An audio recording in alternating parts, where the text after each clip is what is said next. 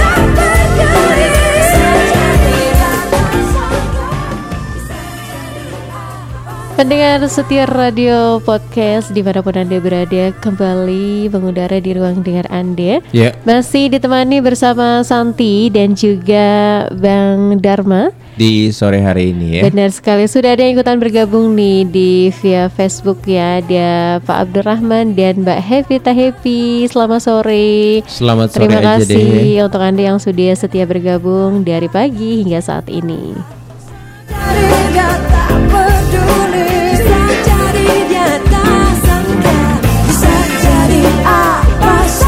Iya, peringkat siap pohon seribu informasi kita hadirkan untuk Anda di sore hari ini. Benar sekali, beragam informasi di Kilas Jakarta, informasi seputar DKI Jakarta sebelum kita masuk ke tema kita di sore hari ini ya, Bang Dharma. Mhm. Ya, kita mulai dari informasi yang pertama, Santi ambil dari berita kawasan Kepulauan Seribu.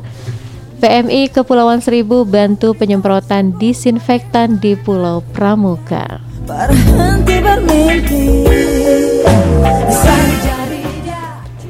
Pendengar setia podcast di mana pun Anda berada, Palang Merah Indonesia, Kabupaten Kepulauan Seribu, membantu penyemprotan disinfektan di Pulau Pramuka, RW 05, Kelurahan Pulau Panggang, Kecamatan Kepulauan Seribu Utara.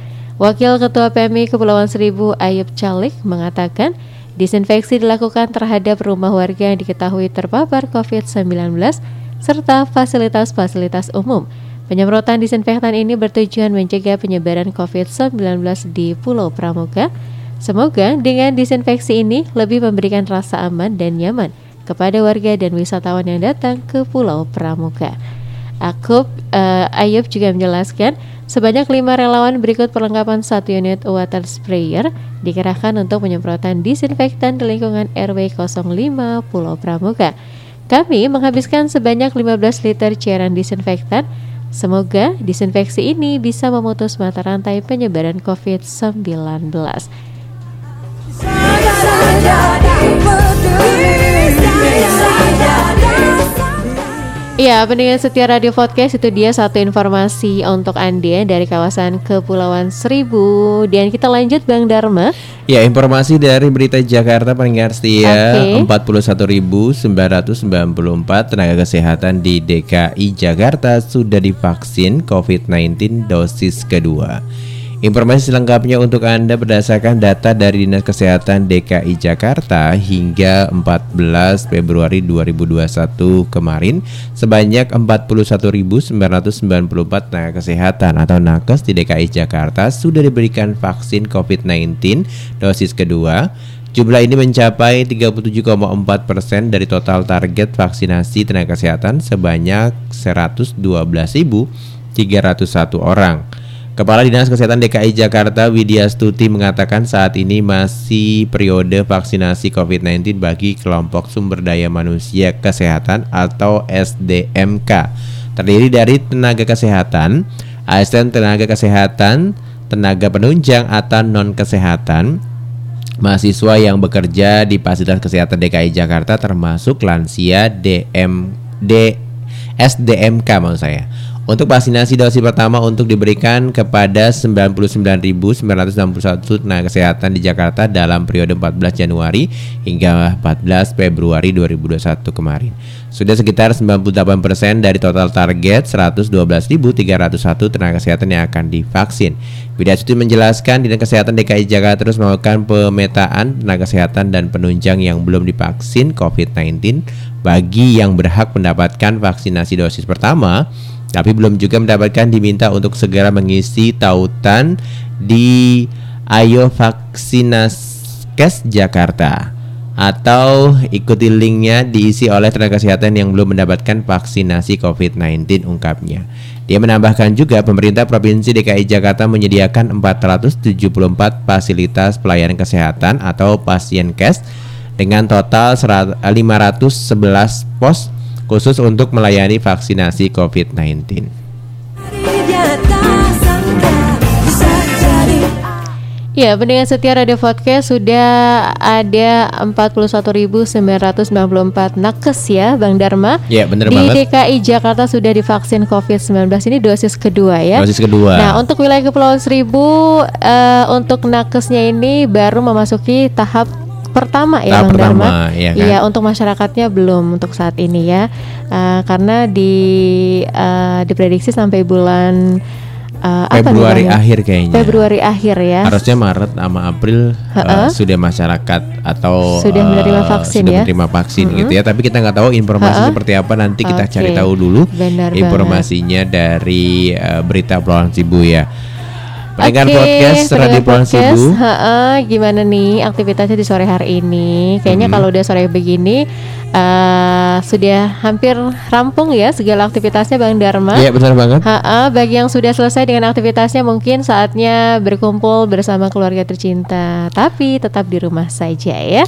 Iya pendengar setia Pohon Seribu ngomongin soal pandemi virus corona ini yang memang banyak aktivitas kita lakukan di rumah. Benar ya kan? sekali. Pastinya terutama buat orang tua apalagi ibu nih ya kan eh, agak eh, ngerasa gimana gitu ya eh, ngelus dada karena kenapa sudah eh, terlalu banyak banget dampaknya terutama dampak listrik selama pandemi virus corona. Benar sekali ya, segala sesuatunya dilakukan di rumah ya selama pandemi COVID-19 ini Bang Dharma Bener banget. dan menggunakan aliran listrik ya. Nah, di masa pandemi umumnya memang penggunaan listrik semakin meningkat, Mbak. Bagaimana Benar tidak? sekali. Sekarang hampir semua aktivitas ini dilakuin di rumah. Mm-mm. Ya kan? Yang tadi Mbak bilang di awal sekolah di rumah. Benar sekali. Ya kan? Bekerja juga ada yang di rumah, di rumah ya kan? WFH ya. Berdasarkan eh, informasi dan juga artikel ini ya, yang biasanya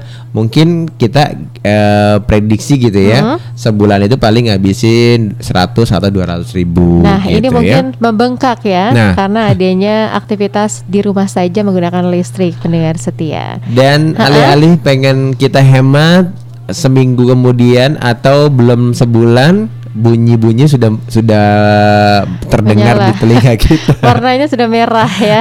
Oke. Tapi nggak perlu khawatir sebenarnya pendengar sih ya. Ha-ha. Ya, eh, menghemat listrik ini selama Hmm. pandemi mudah-mudahan bisa kita terapin gitu ya. Karena memang penting banget karena pandemi ini belum berakhir, Mbak. Belum ya. Kita Iya nggak kan? tahu sampai kapan. Sampai kapan? Karena Ha-ha. kita nggak tahu sampai kapannya, makanya kita harus hemat-hemat terutama menggunaan listrik saat Benar ini. sekali ya, mulai dari belajar di rumah, kemudian bekerja di rumah atau WFH, Iya. kemudian mungkin masak juga menggunakan listrik ya, karena kita nggak berani untuk belanja di luar ya. Bener banget. Jadi harus di rumah saja segala sesuatunya dikerjakan di rumah ya. Iya, salah satunya, membuat eh, listrik membengkak ya. Bener banget mbak. Salah satunya mungkin ada hal yang bisa mbak kasih buat para pendengar podcast Benar dari Brown. Bagaimana caranya kita menghemat, Menghemat listrik. kita, Oke. terutama buat kita para pekerja. Nah, itu dia ya.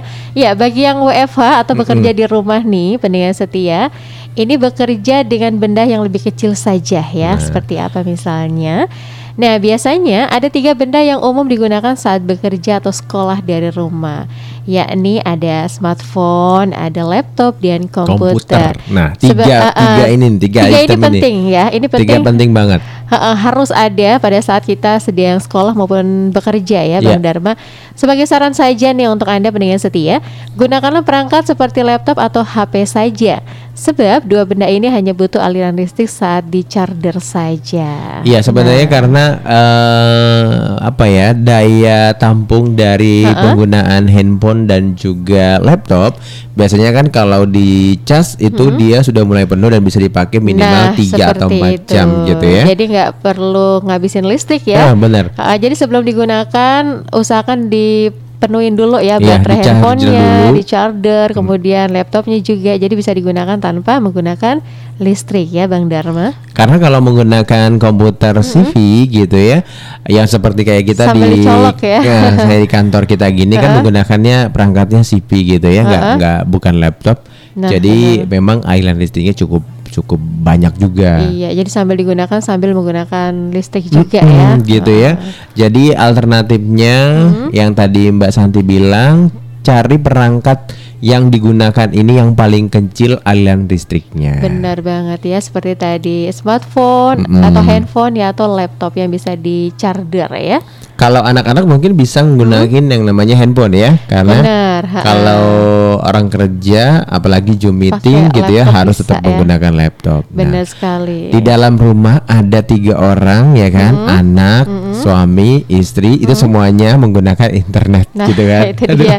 Otomatis pasti membengkak ya Bang Dharma. Nah, selain internet membengkak, terus listrik juga membengkak Pulsanya pembayarannya. juga bengkak ya, pulsa handphonenya. Bener banget gitu ya. Benar banget ya. Jadi memang sepintar-pintar kita nih, bagaimana caranya berhemat ya, Bang Dharma, agar eh, listrik eh, di rumah kita tidak membengkak. Oke pendengar saya pohon seribu yang pastinya Oke. ini bisa menjadi alternatif buat kamu ya. Satu dulu poin yang kita berikan buat kamu. Benar sekali. Kalau anda ingin bekerja atau sekolah di rumah saja, usahakan untuk menggunakan benda yang lebih kecil ya. Aliran listriknya pastinya. Alirannya, Jangan ke mana-mana dulu ya. Heeh. Tetap setia bersama Radio Kepulauan Seribu. Iya, stay tune terus bersama kami di Radio Podcast Kepulauan Seribu. Kabupaten Administrasi Kepulauan Seribu bersama Bisa.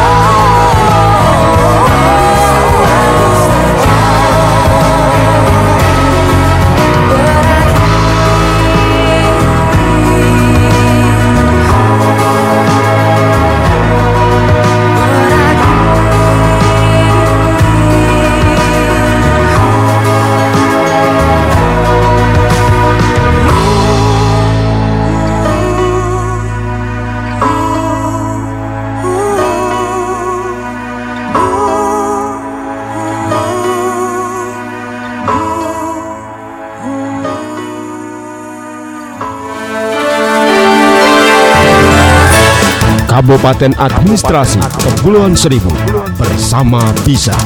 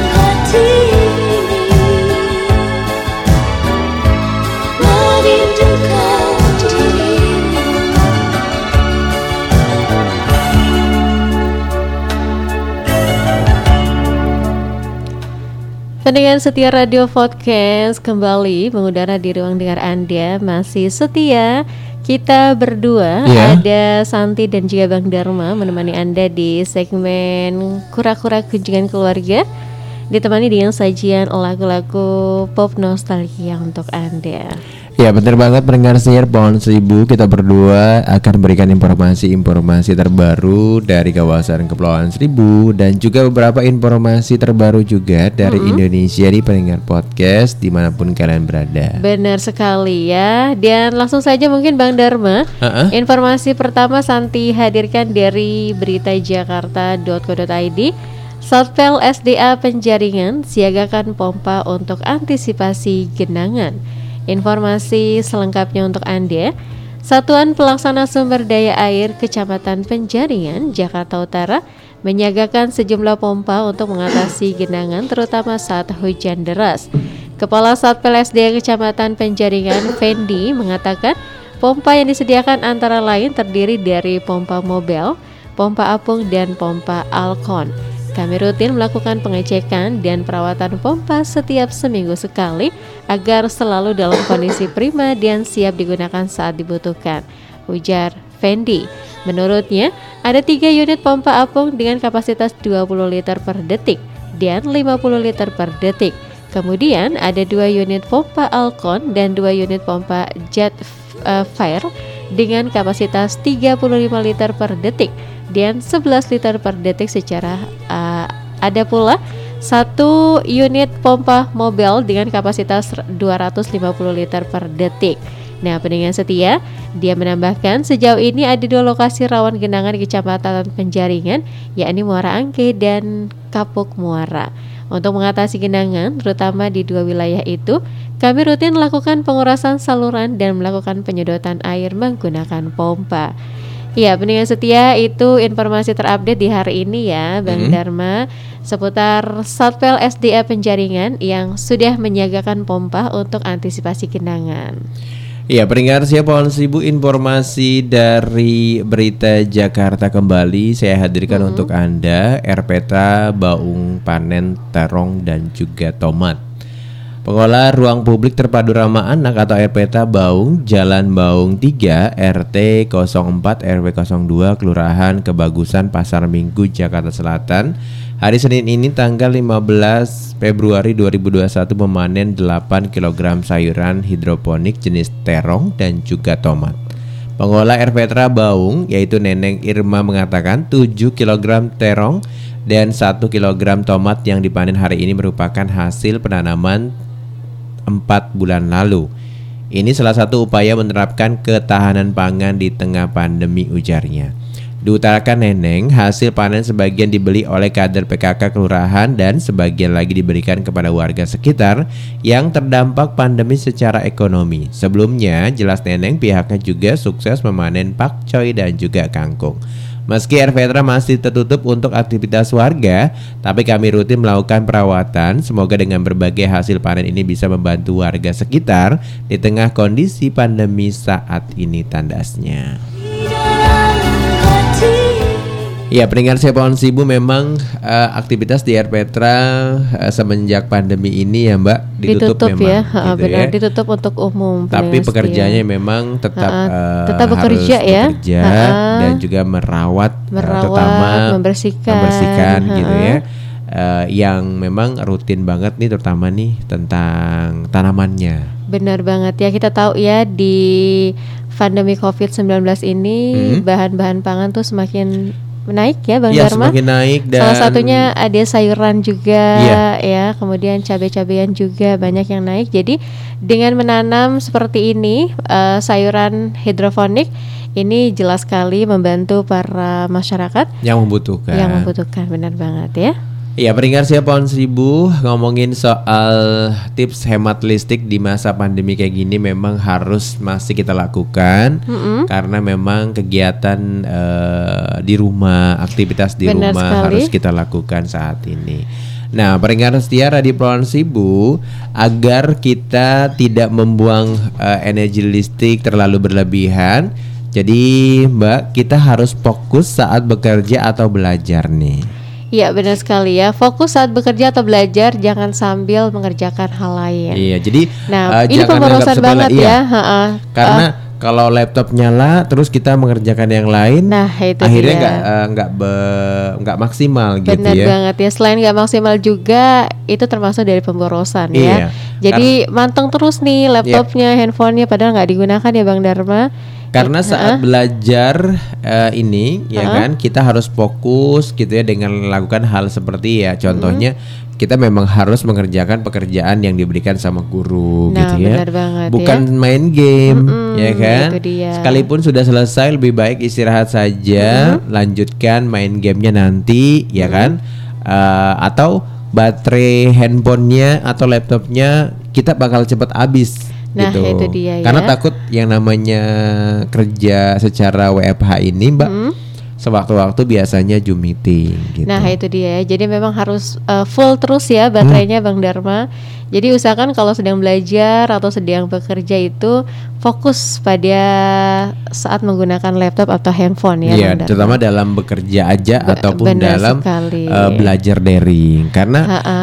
kita tahu bahwa mengisi daya dan juga butuh koneksi listrik ini sangat banyak terutama di masa-masa pandemi kayak gini. Bukan berarti sebenarnya nggak boleh main gitu ya. Iya boleh-boleh aja tapi nggak Boleh. boleh berlebihan, ya Bang Dharma. gitu. Apalagi sambil main game, kemudian uh, laptopnya dicuekin, Iya, gitu kan. Kemudian AC Pekerjaannya belum beres tapi nah, main. uh-uh, terus AC-nya nyala terus Nah. full, TV-nya nyala. Uh, kalau itu sih benar-benar udah nguras kantong kayaknya Bang Dharma Iya, ya. peringkat siap pohon sibu memang di masa-masa pandemi ini kayak gini Benar banyak sekali. kegiatan yang sering dilakukan menggunakan aliran listrik salah satunya adalah handphone, laptop, Uh-uh, bekerja benar gitu ya. ya. dan belajar semuanya menggunakan aliran listrik. Apalagi Benar. Seorang ibu rumah tangga Nah, ini seperti itu Mbak dia. gini Sama ya. seperti saya di sini. Masak-masak gitu Benar, ya. setiap harinya harus memang menggunakan listrik yang mulai dari masak nasi, bahkan masak air saja menggunakan listrik Tuh. ya. Itu udah Nah. udah berarti luar biasa gitu Luar biasa pengeluarannya cukup. terus kemudian AC-nya panteng terus, karena kalau nggak ada AC panas ya, karena kita di rumah terus gitu tiap hari ya. Iya, peringkat siap pohon sibu sebenarnya banyak hal sih yang harus kamu punya atau penerapan tips ini bisa bermanfaat. Benar sekali. gitu Bagaimana ya. caranya agar kita lebih berhemat ya, Bang berhemat, Dharma? terutama di masa-masa pandemi kayak gini. Ini ini masa-masa kita dalam keadaan sulit sebenarnya Iya. ya. Jadi memang salah satunya dengan cara berhemat ini kita insya Allah eh, apa ya? Setidaknya kita bisa em, apa ya dalam artian menghadapi hal-hal yang tak pernah kita bayangin karena kita nggak tahu Hmm. Oke. pandemi eh, virus corona ini sampai kapan Benar kita banget. masih bekerja di rumah kerja eh, sambil atau sekolah di rumah Sekolah di sampai rumah. kapan kita belum tahu Iya. gitu ya walaupun memang vaksinasi masih Berjalan. dilakukan terutama di Indonesia Benar. di kawasan Seribu dan juga di seluruh dunia berharap sebenarnya cepat ya vaksinasi di Langsung seluruh dapat dunia vaksin ya, iya gitu. gitu. kan bisa beraktivitas seperti biasa dan tidak ada pemborosan lagi soal Benar banget. Tapi tetap saja harus menggunakan eh, penerapan 3M ya Bang Dharma. Benar. Yaitu walaupun kita sudah divaksin gitu ya. Walaupun udah divaksin kita harus tetap menggunakan masker, Benar. menjaga jarak dan juga mencuci tangan. Pendengar Oke. setia Pohon Seribu jangan ke mana-mana dulu. Benar banget, karena setelah beberapa lagu berikut ini kita bakalan kembali untuk Anda. Jadi stay tune terus bersama Radio Podcast Kepulauan Seribu. Kabupaten Administrasi Kepulauan Seribu bersama Bisa. Música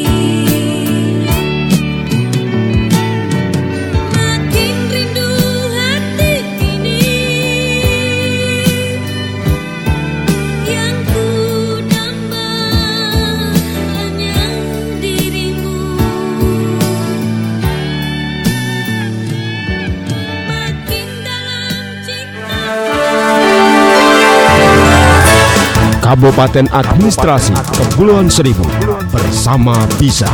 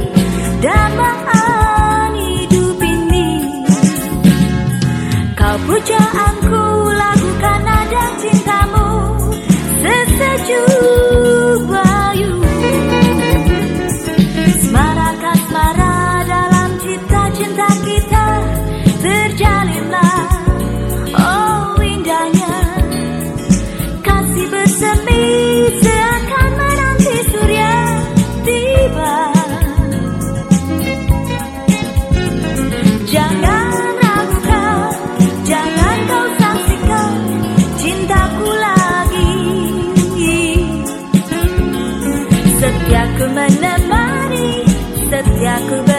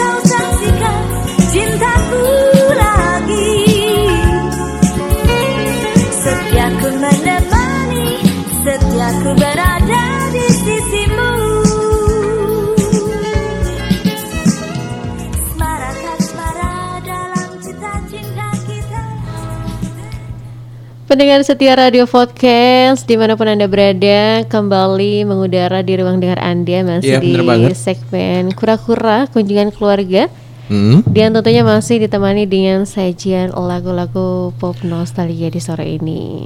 Ya, di sore hari ini juga yang pastinya buat kamu semuanya yang sudah mau beranjak pulang kerja ya kan. Benar ya. Hati-hati di jalan ya karena di studio sudah menunjukkan pukul 4 lebih 10 menit lah ya. Benar ya, biasanya kalau di daratan Jakarta eh, jam-jam segini tuh jam-jamnya macet ya Bang Dharma. Hmm? Karena orang-orang harus pulang kerja ya. Bener banget. Bukan hanya pekerja kantoran saja ya, biasanya juga pekerja-pekerja pabrik juga sore hari ini sudah mulai kembali pulang dan. Udah mulai luar macet biasa banget. macet ya. biasanya di Jakarta itu macet antara pagi sama, sama sore, hari, ya. karena kalau pagi Ha-ha. itu kan biasa rutinitasnya berangkat kerja, berangkat kerja, gitu ya kalau apalagi kalau kerja ya.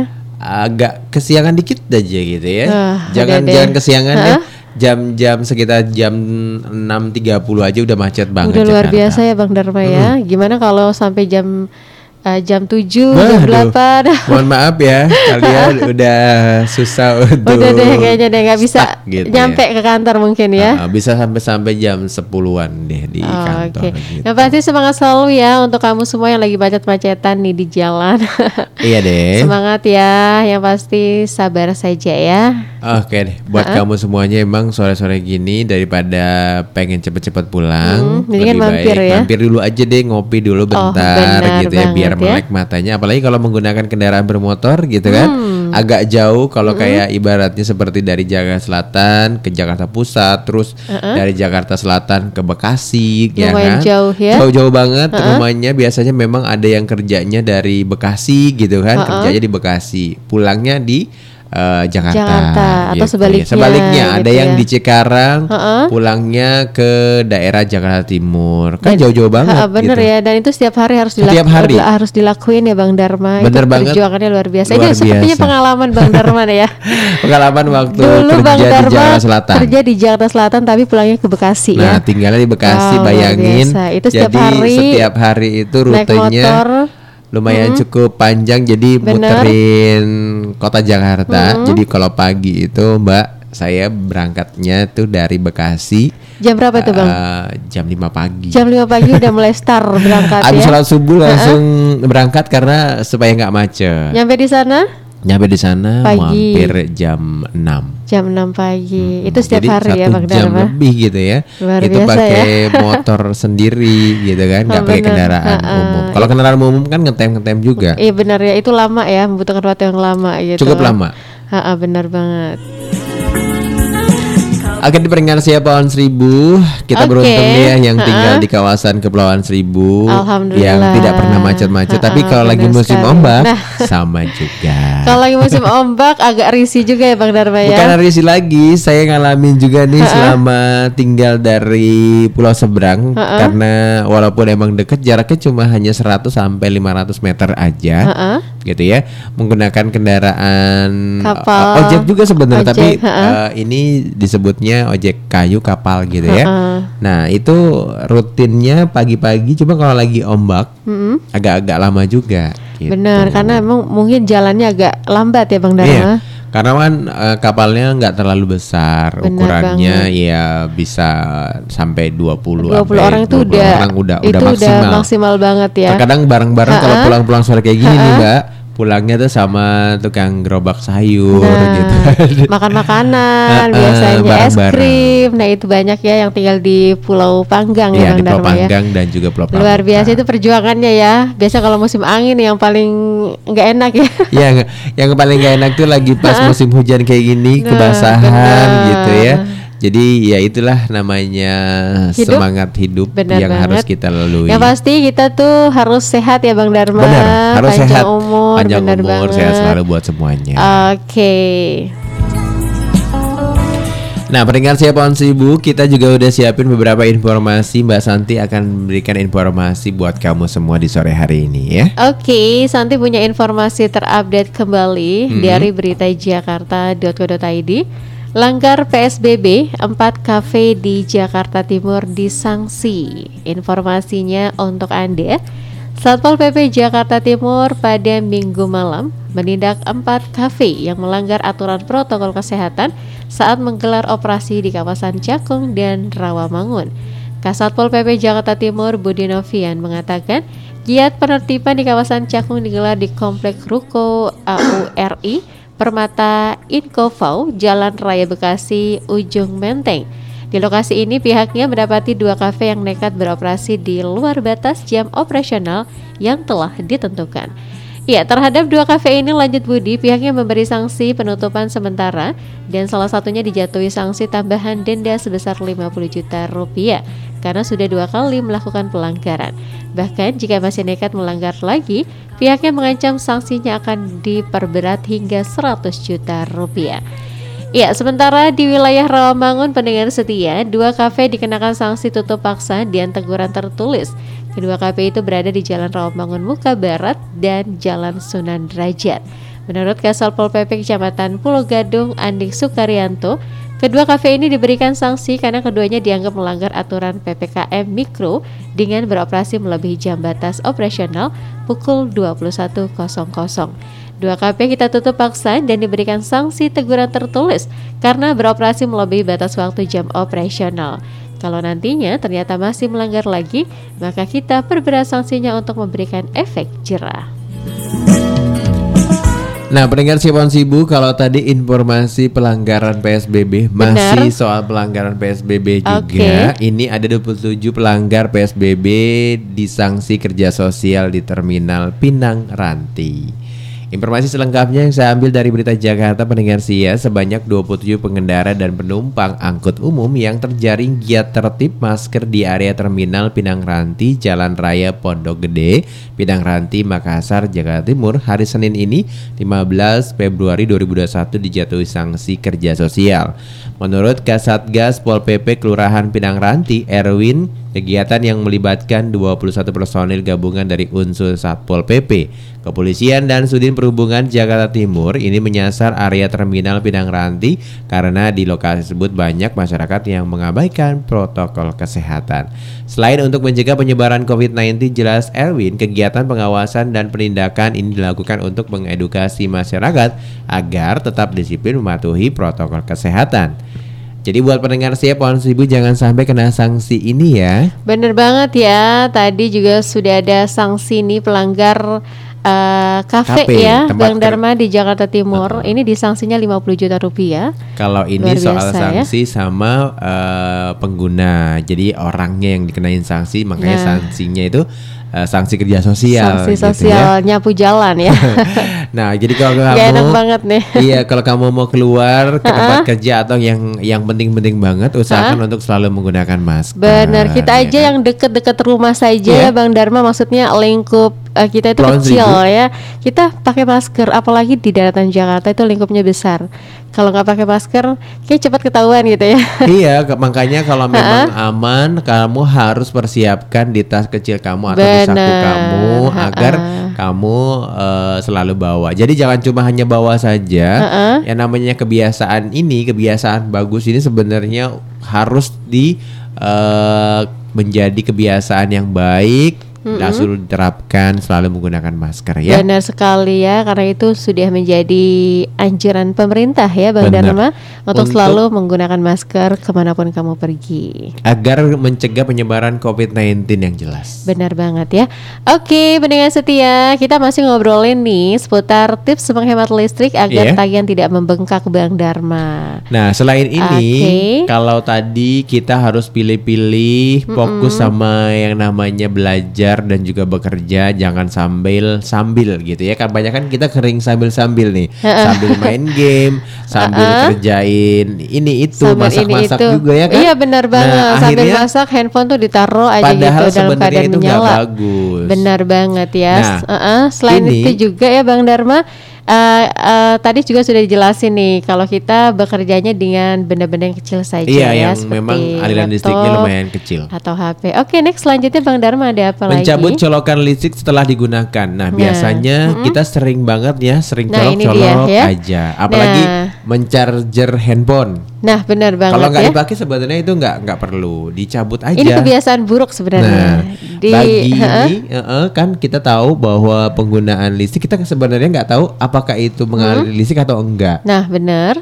Jadi bagi kamu nih pengguna laptop ataupun handphone ya kebetulan sedang mengecas, nah setelah penuh jangan lupa untuk dicabut. Kadang kita lupa ini. Benar. Kadang-kadang dipantengin terus Iya, ya. colokannya dibiarkan saja padahal sebenarnya itu bisa mengalirkan listrik. Nah, loh. itu dia. Itu yang bikin aliran listrik menjadi bengkak ya. Iya, tanpa kita sadari ternyata keadaan penuh dan mati ini tetap menyedot banyak listrik loh guys. Benar sekali. Nah, kalau colokan sudah dicabut nih dari Uh-huh. laptop, tapi tetap tercan- eh, tertancap di Stop stop, kontak, kontaknya. bagaimana nih Bang Dharma? Nah, tetap aja sih memakan listrik juga. Oke. Jadi yang namanya eh, colokan itu walaupun memang tidak di charger, tidak dicolok di apa namanya di TV atau di apa pun itu, itu akan memakan listrik. Paling aman sebenarnya cabut keseluruhan setelah semuanya selesai Oke. dipakai dan hal ini juga untuk perangkat elektronik lainnya. Benar, di rumah Santi juga seperti itu ya. Nah. Ini kebiasaan buruk sebenarnya. Pada saat di charger, kemudian setelah dibiarin dilepas aja. dibiarin aja. Kan Bahkan itu ada tahu. tiga begitu kan Nah. maksudnya chargernya.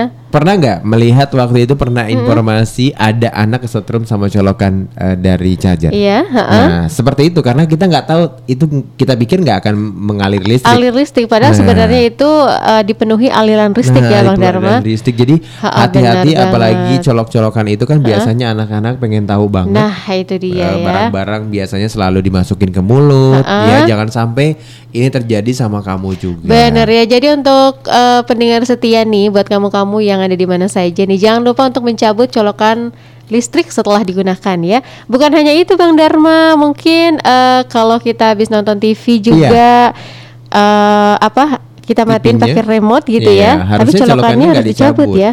Itu, harusnya itu dicabut. sebenarnya harusnya dicabut. Nah, itu dia itu karena bisa mengalirkan juga listrik ya. eh, meng- apa mengalirkan listrik terus bisa-bisa kalau seandainya hujan disambar Hmm. Langsung, petir itu kan uh-uh. bisa kena petir Langsung juga. terbakar ya nah biasanya. itu berbahaya sebenarnya. Nah, Kadang ini ya. hal yang sepele ya. Heeh, sebenarnya hal sepele Hal kita nggak sadari ya. apa kita sadari. Benar banget. Nah selain itu Mbak apa aja sebenarnya yang bisa kita hemat terutama di saat pandemi kayak gini hemat listrik terutama. Benar banget. Selanjutnya nih, pendengar setia, hemat eh, pesan makanan online lengkap dengan nasinya. Nah, ini apa Ini nih? bicara soal makan-makan Iya dong. ya. Tentu semua tahu kalau tanpa nasi makan terasa belum sempurna. Iya Benar. dong, iya dah. Ibarat kata, belum makan nasi belum makan nih. Itu Ini orang Indonesia banget, ya kan? Oke, jika selama ini kamu terbiasa memasak dengan Magicom atau rice cooker, coba deh kurangi. Ingat, penggunaan listrik untuk keperluan ini sangat besar. Nah biasanya ibu-ibu udah paham banget ya kan. Nah. Benar. Sekarang ini kan eh, kita sudah zamannya teknologi ya enggak. Mm, benar Semuanya banget. serba, Serba listrik. listrik gitu ya. Masak lebih aman memang menggunakan listrik katanya Benar, daripada praktis. Pakai kompor gas Nah, terus dandangnya berganti-ganti. Ribet ya Bang Dharma, apalagi kalau ibu-ibu bekerja kan. Eh, eh, Kayaknya agak repot. ribet kalau harus menggunakan eh, kompor ya. Jadi caranya kayak Manual gimana gitu. nih supaya menghemat nih Mbak? Ha, ha, untuk itu nih, eh, coba jangan masak nasi di rice cooker ya, tapi beli saja secara online. Kira-kira boros nggak sih kalau beli kayak gini? Sebenarnya sih ada pemborosan ada juga. Nah, biar lengkap dengan coba pesan nasi tapi lengkap dengan lauk sayurnya.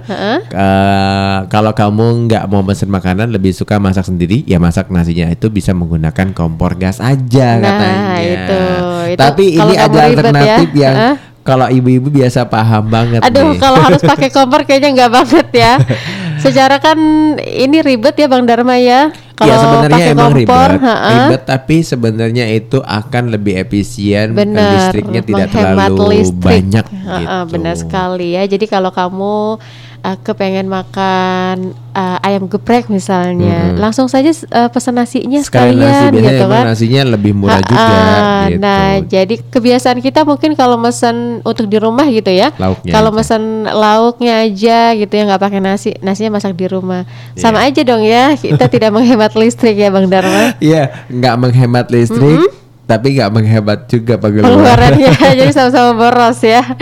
Oke. Iya, yang pastinya balik lagi ke kamu, apakah itu lebih efisien untuk masak itu biasanya Nah, kalau saya sih di rumah istri biasanya abis masak tuh langsung dicabut, Hmm? Langsung Mbak. dicabut, Jadi iya, nggak langsung dipantengin. Nah, itu dia. Nah, itu sebenarnya yang yang menurut saya ya itu penting sih. Jadi supaya nasinya memang kalau ada orang yang pengennya makannya panas-panas ya Nah, kan. sama kayak Santi juga Uh, gitu uh, ya. Tapi Heeh. kalau di rumah istri aku juga mikirnya gini, mungkin mungkin mikirnya ke situ ya. Saya nggak pernah mikir ke sana, tapi dia habis masak habis itu dicolok di Dibuka. dibuka colokannya. Terus di dandangnya tuh dikasihin apa namanya kain-kain gitu Hmm, Jadi supaya hangat ya, tetap iya hangat tetap ya. hangat. Tapi memang nggak dicolok Nah, gitu. itu itu bisa jadi alternatif ya Bang Dharma. Iya. Karena kalau kita colok terus itu bisa nambah aliran Nambah listriknya. juga katanya juga nggak bagus juga sebenarnya abis masak di rice cooker terus dicolok lama-lama Nah. biasanya ada yang beras tahan lama, ada yang enggak gitu. Ada rasa bau-bau yang enggak nyaman juga sih Benar sebenarnya. banget. Terus juga ada pepatah mengatakan seperti itu kalau kita makan nasi panas-panas bisa menyebabkan penyakit gula gitu ya. Iya bener banget. Benar ya. Oke. Lagi pendengar siapa on seribu masih Oke. banyak tips yang bisa kita berikan berdua Benar hemat banget. listrik di masa pandemi kayak gini ya jangan ke mana-mana dulu Oke, benar banget. Kita masih setia menemani Anda hingga menjelang sore nanti. Jadi, stay tune terus bersama Radio Podcast Kepulauan Seribu. Kabupaten Administrasi Kepulauan Seribu bersama bisa.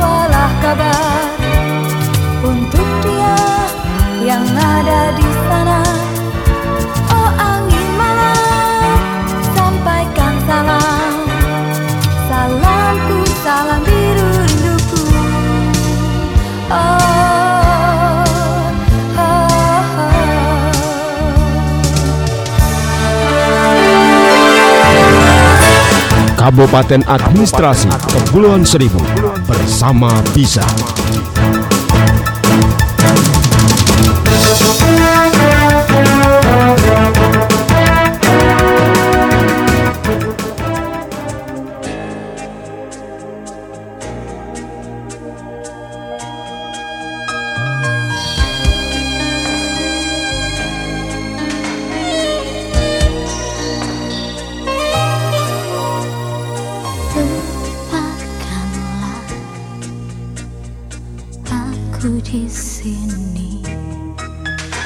迎来一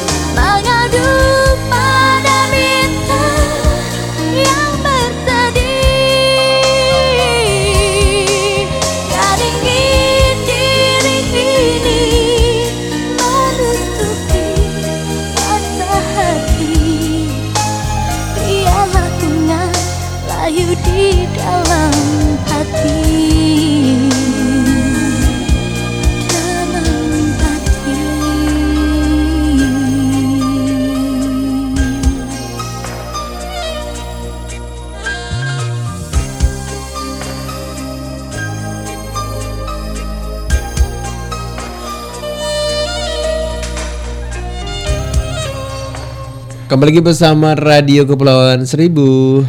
Iya, pendengar ya, setia masih di kawasan Kepulauan Seribu bagian utara, tepatnya di Pulau Pramuka. Kita masih hadir menemani Anda di sore hari ini di segmen hmm. Kura-kura hmm. Kunjungan Keluarga.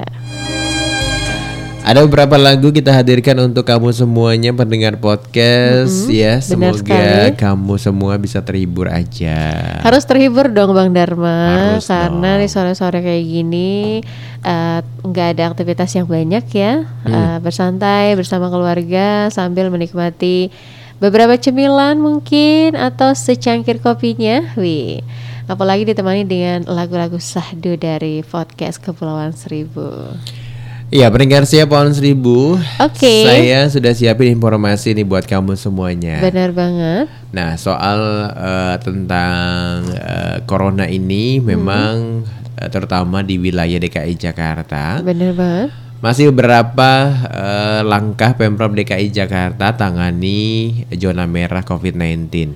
Nah, ternyata masih ada 82 RW yang dikategorikan zona merah di DKI Jakarta. Pemprov DKI Jakarta melaporkan sebanyak 82 RW di DKI Jakarta masuk dalam kategori zona merah COVID-19. Menurut Wakil Gubernur DKI Jakarta Ahmad Riza Patria, perubahan zona ini menjadi perhatian khusus selama penanganan COVID-19. Dan katanya sudah jelas semua zona merah, oranye, kuning, hijau, semua ada tahapannya, ada protapnya, ada prosedurnya, ada semua tahapannya. Tentu zona-zona seperti ini menjadi perhatian lebih, kata Rija di Balai Kota DKI Jakarta, Jalan Merdeka Selatan, Jakarta Pusat hari Senin ini. Jumlah langkah demi menekan jumlah zona merah sudah dilakukan, salah satunya dengan membatasi akses keluar masuk di perkampungan. Kami selama ini bentuk kampung siaga, kampung aman, kampung tangguh di tiap RW. Salah satunya sebelum ada zona merah, kami juga sudah membatasi jumlah pintu keluar masuk dibatasi sambutnya. Tak hanya itu, penambahan fasilitas penunjang seperti wastafel dan diinspektan juga diupayakan. Lebih lanjut, politikus Gerindra ini menuturkan kontestasi penerapan protokol kesehatan COVID-19 juga diumumkan khususnya saat menjelang waktu sholat juga. Disiapkan wastafel, diinspektan secara rutin dan dibersihkan. Ada patroli piket, disiapkan tempat-tempat lain pengawasan, ada rapat koordinasi, semua kami berdayakan. Bahkan di masjid masih juga diumumkan secara rutin waktu sholat, waktu Jumat, waktu sholat apa pun untuk disosialiskan berbagai informasi dan protokol kesehatan lainnya. Sebelumnya 82 RW di DKI Jakarta masuk dalam kategori zona merah atau penularan tertinggi COVID-19. RW terbanyak masuk ke zona merah COVID-19 ada di Jakarta Selatan. Berdasarkan data situs corona.jakarta.go.id hari Jumat 12 Februari 2020, RW berstatus zona merah ini tersebar di lima wilayah Kota Madia, Jakarta, dan Kepulauan Seribu. Data 82 RW masuk zona merah ini berdasarkan data per 4 Februari 2021 lalu. Dengan rincian Jakarta Utara sebanyak 4 RW, Jakarta Timur 6 RW, Jakarta Selatan 41 RW, Jakarta Pusat 16 RW, Jakarta Barat 13 RW, dan Kabupaten Administrasi Kepulauan Seribu 2 RW. Wilayah zona merah tersebut berada di 40 kelurahan. Kelurahan dengan RW masuk eh, zona merah terbanyak ialah Kelurahan Joglo 6 RW, Kelurahan Karet Kuningan 6 RW, Kelurahan Srengseng 5 RW, dan Kelurahan Tegal Parang 5 RW. Ya, pendengar siapa Sibu, kita ya khususnya warga Pulau Sibu nih termasuk masih zona merah ya. Benar. Mm-mm. Jadi penting banget emang untuk selalu menerapkan protokol kesehatan. Benar sekali. Jangan lupa ya untuk Hmm. masyarakat Kepulauan Seribu, kita masih di zona merah ya, Bang Bener Dharma. banget. Tentunya protokol kesehatan jangan dikasih kendor. Terus terapkan 3M, menggunakan Mm-mm. masker, mencuci tangan, dan menjaga jarak, juga hindari kerumunan. Pendengar Cipaun Sibu, eh, mungkin Mbak Santi mau ngasih informasi lain untuk kita semua nih. Oke, masih dari kawasan Kepulauan Seribu, pendengar setia. Kumpulkan sampah di laut, anggota Bank Sampah Pulau Kelapa raih keuntungan. Informasi selengkapnya untuk Anda. Saheri 30 tahun 37 tahun warga Pulau Kelapa RT 03 RW 04 Kelurahan Pulau Kelapa Kecamatan Kepulauan Seribu Utara merasakan manfaat kehadiran bank sampah secara ekonomis. Setiap harinya, dengan perlengkapan alat seadanya, Bapak dua orang anak ini keliling dengan perahu kecil untuk menyelam di kedalaman 5 hingga 7 meter, membersihkan sampah plastik, sampah besi, dan berbagai jenis sampah lainnya. Dalam sehari, biasanya sampah laut yang dikumpulkan sekitar satu kuintal, bahkan bisa lebih, kata Saheri. Saheri mengaku selain dari sisi ekonomi, kegiatan ini juga sebagai wujud kepedulian lingkungan sehingga laut bersih dan menjadi ekosistem yang sehat. Sampah yang punya nilai ekonomi saya jual biasanya mendapatkan 50 hingga 100 ribu rupiah, hasilnya bisa untuk kebutuhan keluarga. Sementara itu, Lurah Pulau Kelapa Madi Muhammad Dali mengapresiasi dan berterima kasih atas apa yang sudah dilakukan oleh anggota Bank Sampah RW 04 Saheri atau uh, kepedulian lingkungan dengan membersihkan sampah di laut Pulau Kelapa. Tentunya kegiatan itu baik karena masyarakat peduli dengan lingkungan dan laut menjadi bersih serta dapat menjaga ekosistem laut. Nah, peringkat si pohon sibu mudah-mudahan buat kamu semua juga bisa ikutin jejaknya Pak Mas Suheri Pak ya, Suheri ini benar gitu ya. Bisa eh, mengumpulkan sampah tapi sebenarnya sampah ini juga membantu eh, perekonomiannya juga. Iya, karena Gitu. sampahnya ini bisa dijual ya, Bang Mm-mm. Dharma. Karena ada sampah plastik, sampah besi, ini bisa menjadi nilai ekonomis ya. Oke, pendengar setia Radio Podcast, kita kembali ya Bang Dharma. Eh, dengan informasi ya, yang kita siapkan untuk Anda terutama artikel kita tentang menghemat listrik ini. Bener ya banget. kan? Eh, di saat-saat pandemi kayak gini memang kita harus eh, melakukan eh, rincian terperinci soal Nah, pengeluaran ha-ha, terutama listrik nih. Iya benar banget Nah. ya, karena kalau eh, listriknya ini bengkak, luar Iya. biasa ya. Apalagi di masa pandemi kayak gini eh, apa pendapatan kita lumayan cukup berkurang. Berkurang karena dampak dari pandemi ya. Nah, Oke. Mematikan perangkat elektronik sebelum tidur ini penting banget. Kalau tadi kan kita yang kalau Hmm. mau telah digunakan atau nggak nggak nggak digunakan sama sekali lebih baik colokannya dicabut Iya, gitu ya. benar. Nah kalau seandainya sebelum tidur kita kadang nih lupa nih untuk mematikan elektronik, ya iya kan? benar sekali nih. Kalau sebelum tidur eh, di malam hari ya biasanya Iya. Bang Dharma pastikan telah mematikan semua produk elektronik seperti komputer misalnya, Iya. kemudian televisi, Mm-mm. AC, musik player dan perangkat elektronik lain. Tujuannya untuk apa tuh Bang Dharma? Untuk menghemat daya listrik lagi pula untuk apa sih dihidupkan tapi nggak dipakai bikin boros aja. Tapi kalau seandainya kalau Nah. AC ya AC eh, boleh lah masih Bener, dipakai kalau gitu AC ya. dipakai buat Tapi tidur kalau ya. seandainya sambil dengerin musik player di handphone gitu ya ter- terus Bener. komputer juga, Ha-ha. TV juga nyala ya Waduh, kan? Aduh. ini Ini pembengkakan Membengkak luar biasa. Biasanya ibu-ibu ini suka marah sama anak-anak Nah ya. itu dia ya biasanya sama suami gitu ya suami nonton TV sambil tiduran Uh-uh. Ini sampai malam TV belum dimatiin gitu ya Waduh. atau mungkin anak-anaknya lagi dengerin musik ya dipakai earphone Bener banget. Nah itu dia pemborosan luar biasa biasa kalau ibu bunda-bunda nih agak cerewet ya Iya soal cerewet masalah karena dia uh, ngeluarin uang Iya. bulannya gitu ya Karena memang eh, si Menteri Keuangan ini Ha-ha, lebih paham bener. dan mengerti soal pengeluaran yang harus eh, diperhitungkan. Benar banget. Gitu. Maka dari itu kalau mau tidur di malam hari ya Uh-uh. usahakan untuk mematikan semua produk elektronik nih Bang Dharma. Iya. Kalau AC boleh lah. Atau Boleh, emang nggak punya AC kipas angin ya boleh Iya. ya. Tapi kipas anginnya jangan dinyalain tiga atau empat juga ya kan? Iya cukup satu ya. Kan biasanya satu kalau di kamar kita gitu. nih ada kipas angin ada di kamar, ada di tempat TV gitu Bener. ya. Nah kita lupa nih, ya kan di TV masih nyala gitu Heeh, kan. Padahal kita tidurnya di kamar gitu ya.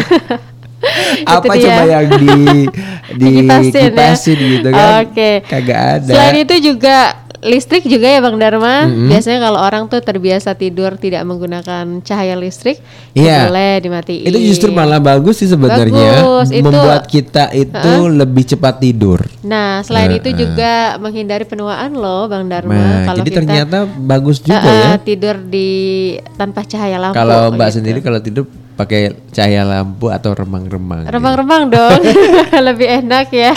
remang-remang ya. Bener banget Karena ya. memang kalau remang-remang itu biasanya hawanya kayak kita ngantuk. Kalau terang tuh kayaknya masih kayak ma apa siang gitu Nggak kan bisa tidur eh, nggak bisa ya. tidur kayak kayak ngerasa Heeh. tapi ada loh yang eh, takut untuk kegelapan tidur ya. kegelapan Benar. gitu ya Lebih enak eh, sebenarnya tidur eh, tanpa cahaya lampu ya. Iya, tapi kalau seandainya memang takut atau eh, tidak nyaman dengan tidur eh, dengan gelap Hmm. gitu ya, cari lampu yang memang eh, agak-agak redup atau pilih lampu tidur namanya. Oh, itu lampu tidur yang biasanya, Biasanya ada wattnya di sedikit wattnya ya. kecil Heeh. dan makan listriknya juga lumayan kecil juga. Tapi itu- Nyalanya kayak remang-remang gitu. Tapi harus punya dua lampu dong Enggak. ya. Jadi lampunya memang khusus untuk di di kamar itu khusus yang lampu eh, terang kayak gitu. Oh, gitu. jadi buat tidur ya. buat tidur aja jadi kalau yang khusus ini mungkin beda lagi Benar gitu. banget.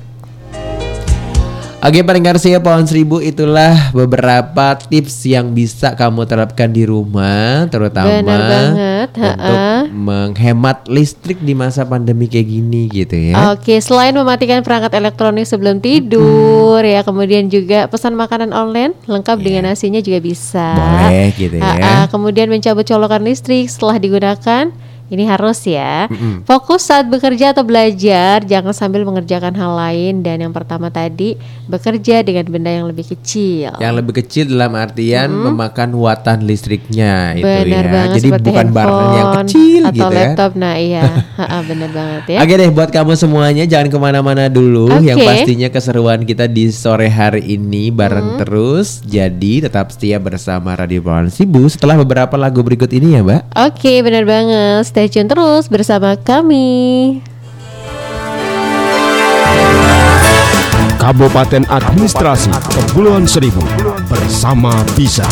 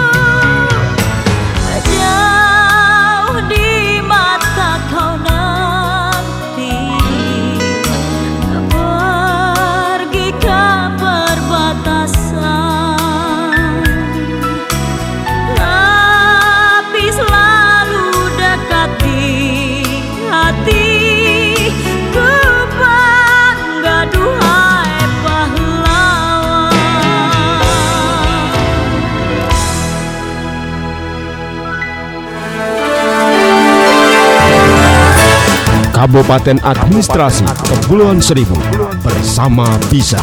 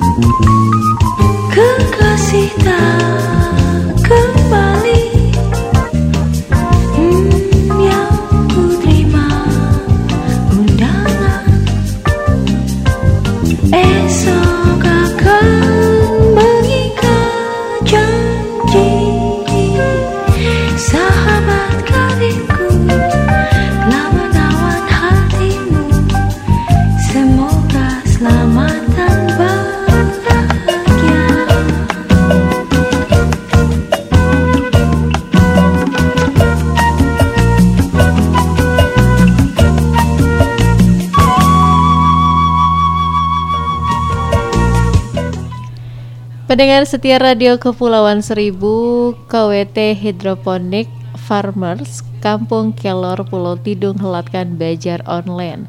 Informasi selengkapnya untuk Anda, kelompok wanita tani atau KWT Hidroponik Farmers Kampung Kelor, Kelurahan Pulau Tidung, Kecamatan Kepulauan Seribu Selatan, menggelar belajar secara online dari hasil panen sayuran kangkung. Ketua KWT Hidroponik Farmers Kampung Kelor Pulau Tidung, Susan mengatakan panen kali ini berupa kangkung sebanyak 16 kg dan dibungkus dalam kemasan plastik ukuran per 500 gram. Kita jual secara online dan kita antar langsung ke pembeli dengan harga satu bungkus Rp10.000, kata Susan. Susan menjelaskan penjualan secara online ini bukan hanya jenis kangkung saja, tetapi juga jenis sayuran lain seperti sawi, cabai, dan lain-lain yang dijual langsung saat usai panen. Penjualan secara online ini baru berlaku atau melayani warga Pulau Tidung saja dan belum sampai ke pulau luar. Kita jual saat panen saja, tidak setiap hari ada. Sementara itu, Kepala Seksi Pertanian dan Ketahanan Pangan Kepulauan Seribu, Farsan mengatakan penjualan seperti ini hanya ada di KWT Kampung Kelor Pulau Tidung. Ke depan, lima wilayah lainnya berikut Jack Frenur, Binaan, Sudin KPKP akan bareng-bareng uh, Bajar online. Untuk hasil pertanian per wilayah akan dijadwalkan sebulan sekali. Bajarnya mengingat hasil pertanian masing-masing KWT sudah siap panen. Kegiatan ini untuk mensiasati penjualan selama masa pandemi COVID-19. Ya, pendengar setia itu dia informasi terupdate untuk Anda. Santi ambil dari berita Kepulauan Seribu. Pagi ini harapan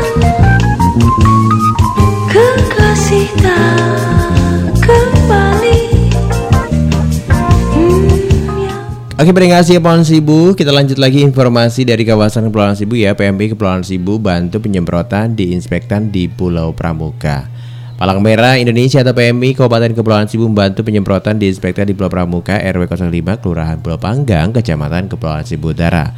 Menurut Wakil Ketua PMI Kepulauan Seribu Abdul Kalik mengatakan diinspeksi dilakukan terhadap rumah warga yang diketahui terpapar COVID-19 serta fasilitas-fasilitas umum lainnya. Penyemprotan di inspektan ini bertujuan mencegah penyebaran COVID-19 di Pulau Pramuka. Semoga dengan inspeksi ini lebih memberikan cara aman, rasa aman dan nyaman kepada warga dan wisatawan yang datang ke Pulau Pramuka ujarnya.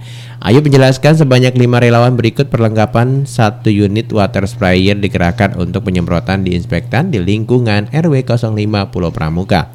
Kami menghabiskan sebanyak 15 liter cairan disinfektan. Semoga diinfeksi ini bisa memutus mata rantai penyebaran COVID-19 tandasnya. Ku membacanya dan kecewa Oke Mbak, informasi Oke. lain yang kita hadirkan kembali dari mana nih buat eh, Mbak Santi? Nah ini nih informasi saya mau kasih eh, tentang apa nih nih informasinya buat kamu semua adik-adik saya nih yang mau kuliah kuliah di UGM pendaftaran SMPTN 2021 dibuka dan terima sekitar 2000 calon mahasiswa. Buat kamu semua pendengar podcast yang lagi dengerin Radio Pulau Sibu, buat adik-adik saya yang mau kuliah di Yogyakarta atau di Universitas Gajah Mada UGM ini, periode pendaftaran seleksi nasional masuk perguruan tinggi negeri atau SMPTN 2021 dibuka mulai hari ini. UGM menyebut akan menerima sekitar 2000 calon mahasiswa dari jalur tersebut. Wakil Rektor Bidang Pendidikan, Pengajaran dan Kemahasiswaan UGM, Profesor Jagal Wiseso Warseno mengatakan, untuk tahun ini saja UGM akan menerima lebih dari 2000 calon mahasiswa dari jalur SMPTN. Jumlah tersebut meliputi calon mahasiswa program sarjana dan juga sarjana terapan. Jaga menjelaskan pada SMPTN 2021 setiap peserta dapat memilih satu atau dua program studi dengan catatan salah satunya berada pada perguruan tinggi sesuai daerah asal sekolah tersebut. Siswa yang telah memiliki akun lembaga tes masuk perguruan tinggi atau LTMPT yang dapat melakukan pendaftaran melalui laman portal.il ltmpt.ac.id sedangkan informasi mengenai daya tampung untuk masing-masing prodi beserta persyaratan SMA atau SMK tersedia di laman um.ugm.ac.id. Sementara itu Ketua Pelaksana Eksekutif LTMPT Profesor Budi Widyo Broto mengatakan dalam sosialisasi SMPTN dan UTBK SBMPTN beberapa waktu lalu meminta setiap peserta harus mempertimbangkan baik-baik program studi yang akan dipilih nanti. Peserta yang telah dinyatakan lolos SMPTN tidak diperbolehkan lagi untuk mengikuti UTBK, tes yang menjadi persyaratan SBMPTN dan juga seleksi mandiri di sejumlah perguruan tinggi nantinya. Oke, pendengar setia, itu tadi ya eh, beragam informasi sudah kita hadirkan untuk Anda yang saat ini masih setia stay tune bersama kami.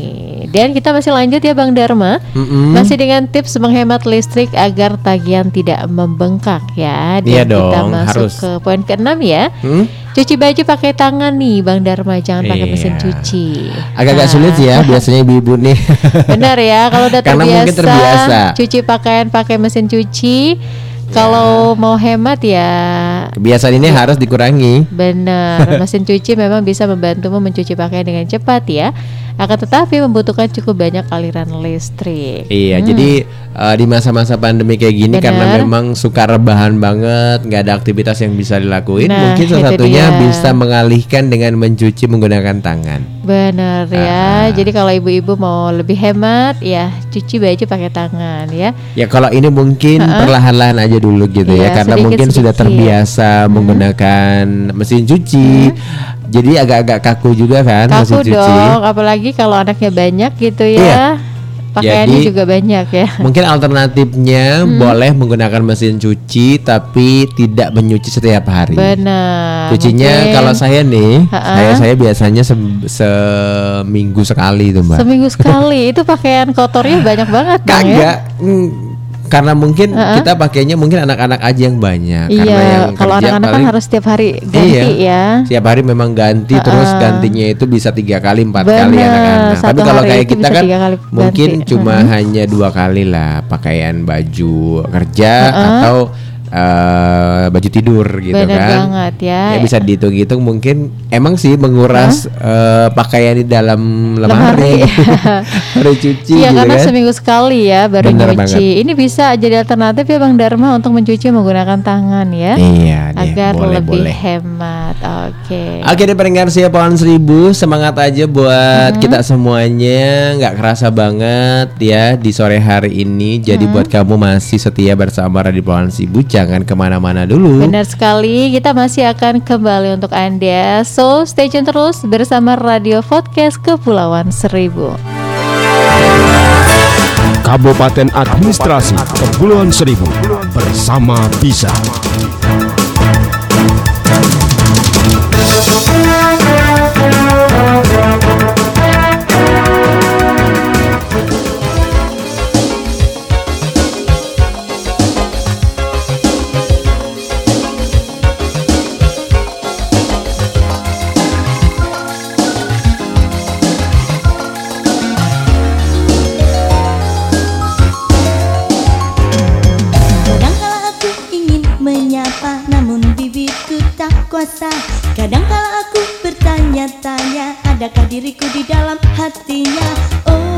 Jaka Mengapa dengan diriku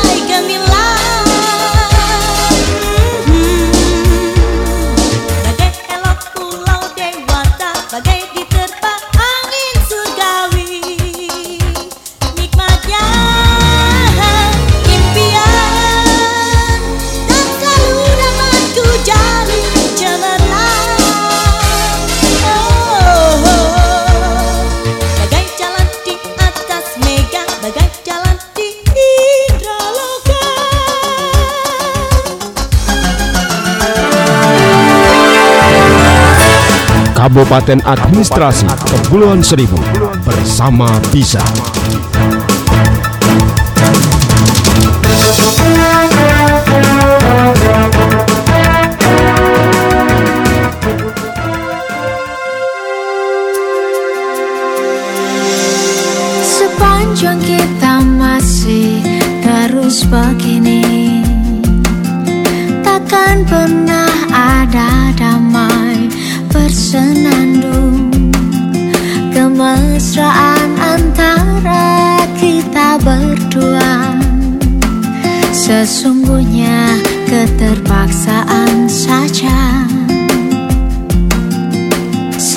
Dan tawa hanya sekedar saja.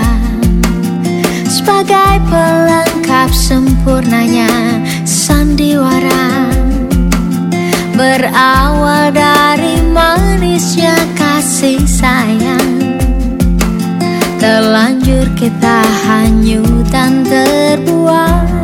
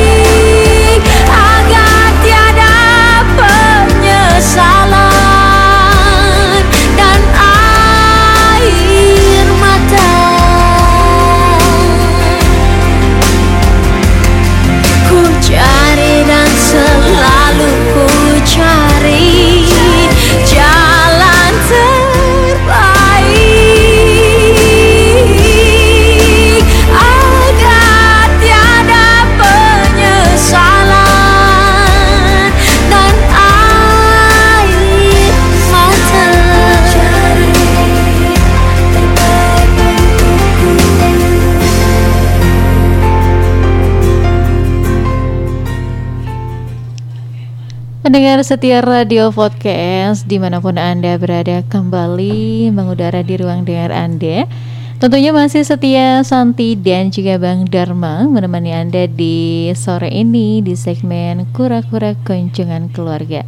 Ya sebelum kita lanjut ya dengan artikel menarik kita seputar tips penghemat listrik agar tagihan tidak membengkak Informasi terupdate kembali Santi hadirkan untuk Anda Kali ini dari berita Pulau Seribu.jakarta.co.id Satgas Sudin SDA Kepulauan Seribu bersihkan sumur resapan di Pulau Pramuka.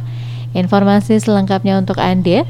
Satgas Suku Dinas Sumber Daya Air Kepulauan Seribu melakukan pengurasan sedimen lumpur dan sampah yang ada di sumur resapan serta lubang biofori di wilayah RW 04 Pulau Pramuka, Kelurahan Pulau Panggang, Kecamatan Kepulauan Seribu Utara. Kepala Sudin SDA Kepulauan Seribu Abdul Rauf mengatakan kegiatan dilakukan oleh empat satgas ini dikerjakan secara manual dengan menguras dan mengangkat lumpur dari dalam sumber resapan serta membersihkan lubang biopori agar aliran resapan kembali lancar. Enam karung sedimen berhasil dikumpulkan dan diangkat ke tempat penampungan di Pulau Pramuka, kata Abdul Raub. Raub mengaku pengurusan sumber resapan dan pembersihan lumpur biopori dilakukan untuk mengantisipasi genangan air karena intensitas curah hujan yang sangat tinggi beberapa pekan ini. Mudah-mudahan dengan dibersihkannya daya serat lubang biopori dan sumber resapan tinggi sehingga tidak ada lagi terjadi genangan saat hujan deras.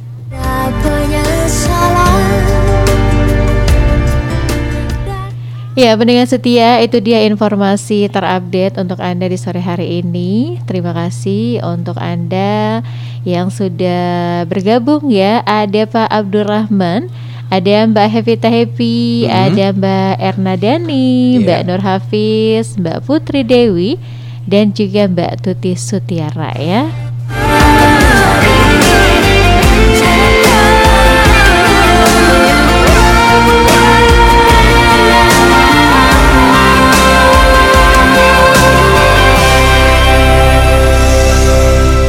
Iya, peringkatnya Pohon Sibu, informasi selanjutnya saya hadirkan buat kamu semua dari Berita Jakarta, Musrembang Kepulauan Seribu Selatan bahas 54 usulan.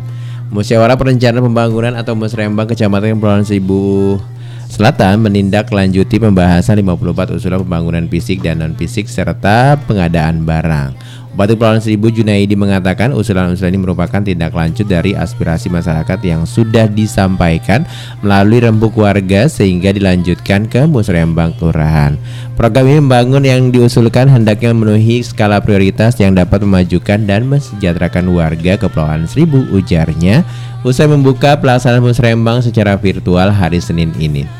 Sementara itu, Camat Kepulauan Seribu Selatan Angga Saputra menjelaskan sebanyak 45 usulan terkait pembangunan fisik 2 dan non fisik 7 lainnya pengadaan barang. Untuk usulan pembangunan fisik sendiri seperti pembangunan dan peningkatan jalan, peningkatan fasilitas di lokasi wisata, pendalaman kolam labu, serta perawatan dermaga. Dia menambahkan juga untuk eh, pembangunan dan fisik meliputi pelatihan-pelatihan dan peningkatan kapasitas sumber daya manusia. Kemudian untuk pengadaan barang di antaranya tempat sampah dan papan nama jalan. Tidak lanjut dari Musrembang Kelurahan Pulau Tidung ada 29 usulan, Kelurahan Pulau Pari 16 usulan dan Kelurahan Pulau Untung Jawa 9 usulan. Estimasi anggaran yang diperlukan mencapai 59,03 miliar rupiah tandasnya. Nah itulah informasi yang kita hadirkan buat kamu semua pendengar podcast Benar di mana pun sekali. kalian berada. Ya. Semoga informasi yang sudah kita hadirkan di sore hari ini bermanfaat untuk kita semua. Mm-mm. Bukan hanya eh, kita di sini sebagai penyiar, tapi juga anda yang mendengarkan ya. Nah, kita mau ngasih tips terakhir nih buat kamu semua. Benar sekali. Ya kan? Ada Eh, Dharma? Jangan menghidupkan lampu di pagi dan siang hari. Nah, ini kebiasaan sia-sia ya. Ini kerap dilakukan padahal bikin boros listrik. Bener banget Ha-ha, sih. baiknya hidupkan mulai pukul 18.00 atau saat suasana mulai gelap. Iya. Hmm. Kebiasaan Benar memang dong. nih sering banget nih kita lakuin Iya, gitu ya. biasanya kalau siang-siang gitu kan sudah lewat jam 7, Mm-mm. jam 8 baru dimatiin listriknya ya. Iya, karena mungkin karena kita kebiasaan tidurnya terang Benar. gitu. Apalagi kalau hari libur ya Bang Dharma. Bener banget. Sabtu Minggu ini udah pasti nih. Lampunya nyala terus. nyala sampai Listrik siang nyala ya. terus Benar. semuanya sampai TV pun nyala Nah, terus karena gitu belum ya. belum bangun ya. Ya aduh, kayaknya jangan sering-sering seperti ini ya pendengar setia. Benar, tidak sulit kan pendengar setia? Coba deh lakuin dulu cara-cara yang sudah kita sebutkan tadi ya Bang Dharma. Bener banget. Dan buktikan sendiri biaya tagihan listrik di rumahmu bakalan berkurang dari sebelumnya. Iya, jadi pendengar saya Pohon Sibu beberapa tips-tips yang kita berikan tadi kita Benar. ingatkan kembali buat kamu semuanya ya. Kalau kamu mau bekerja, usahakan menggunakan eh, aliran listriknya yang kecil-kecil aja seperti sekali. handphone gitu ya.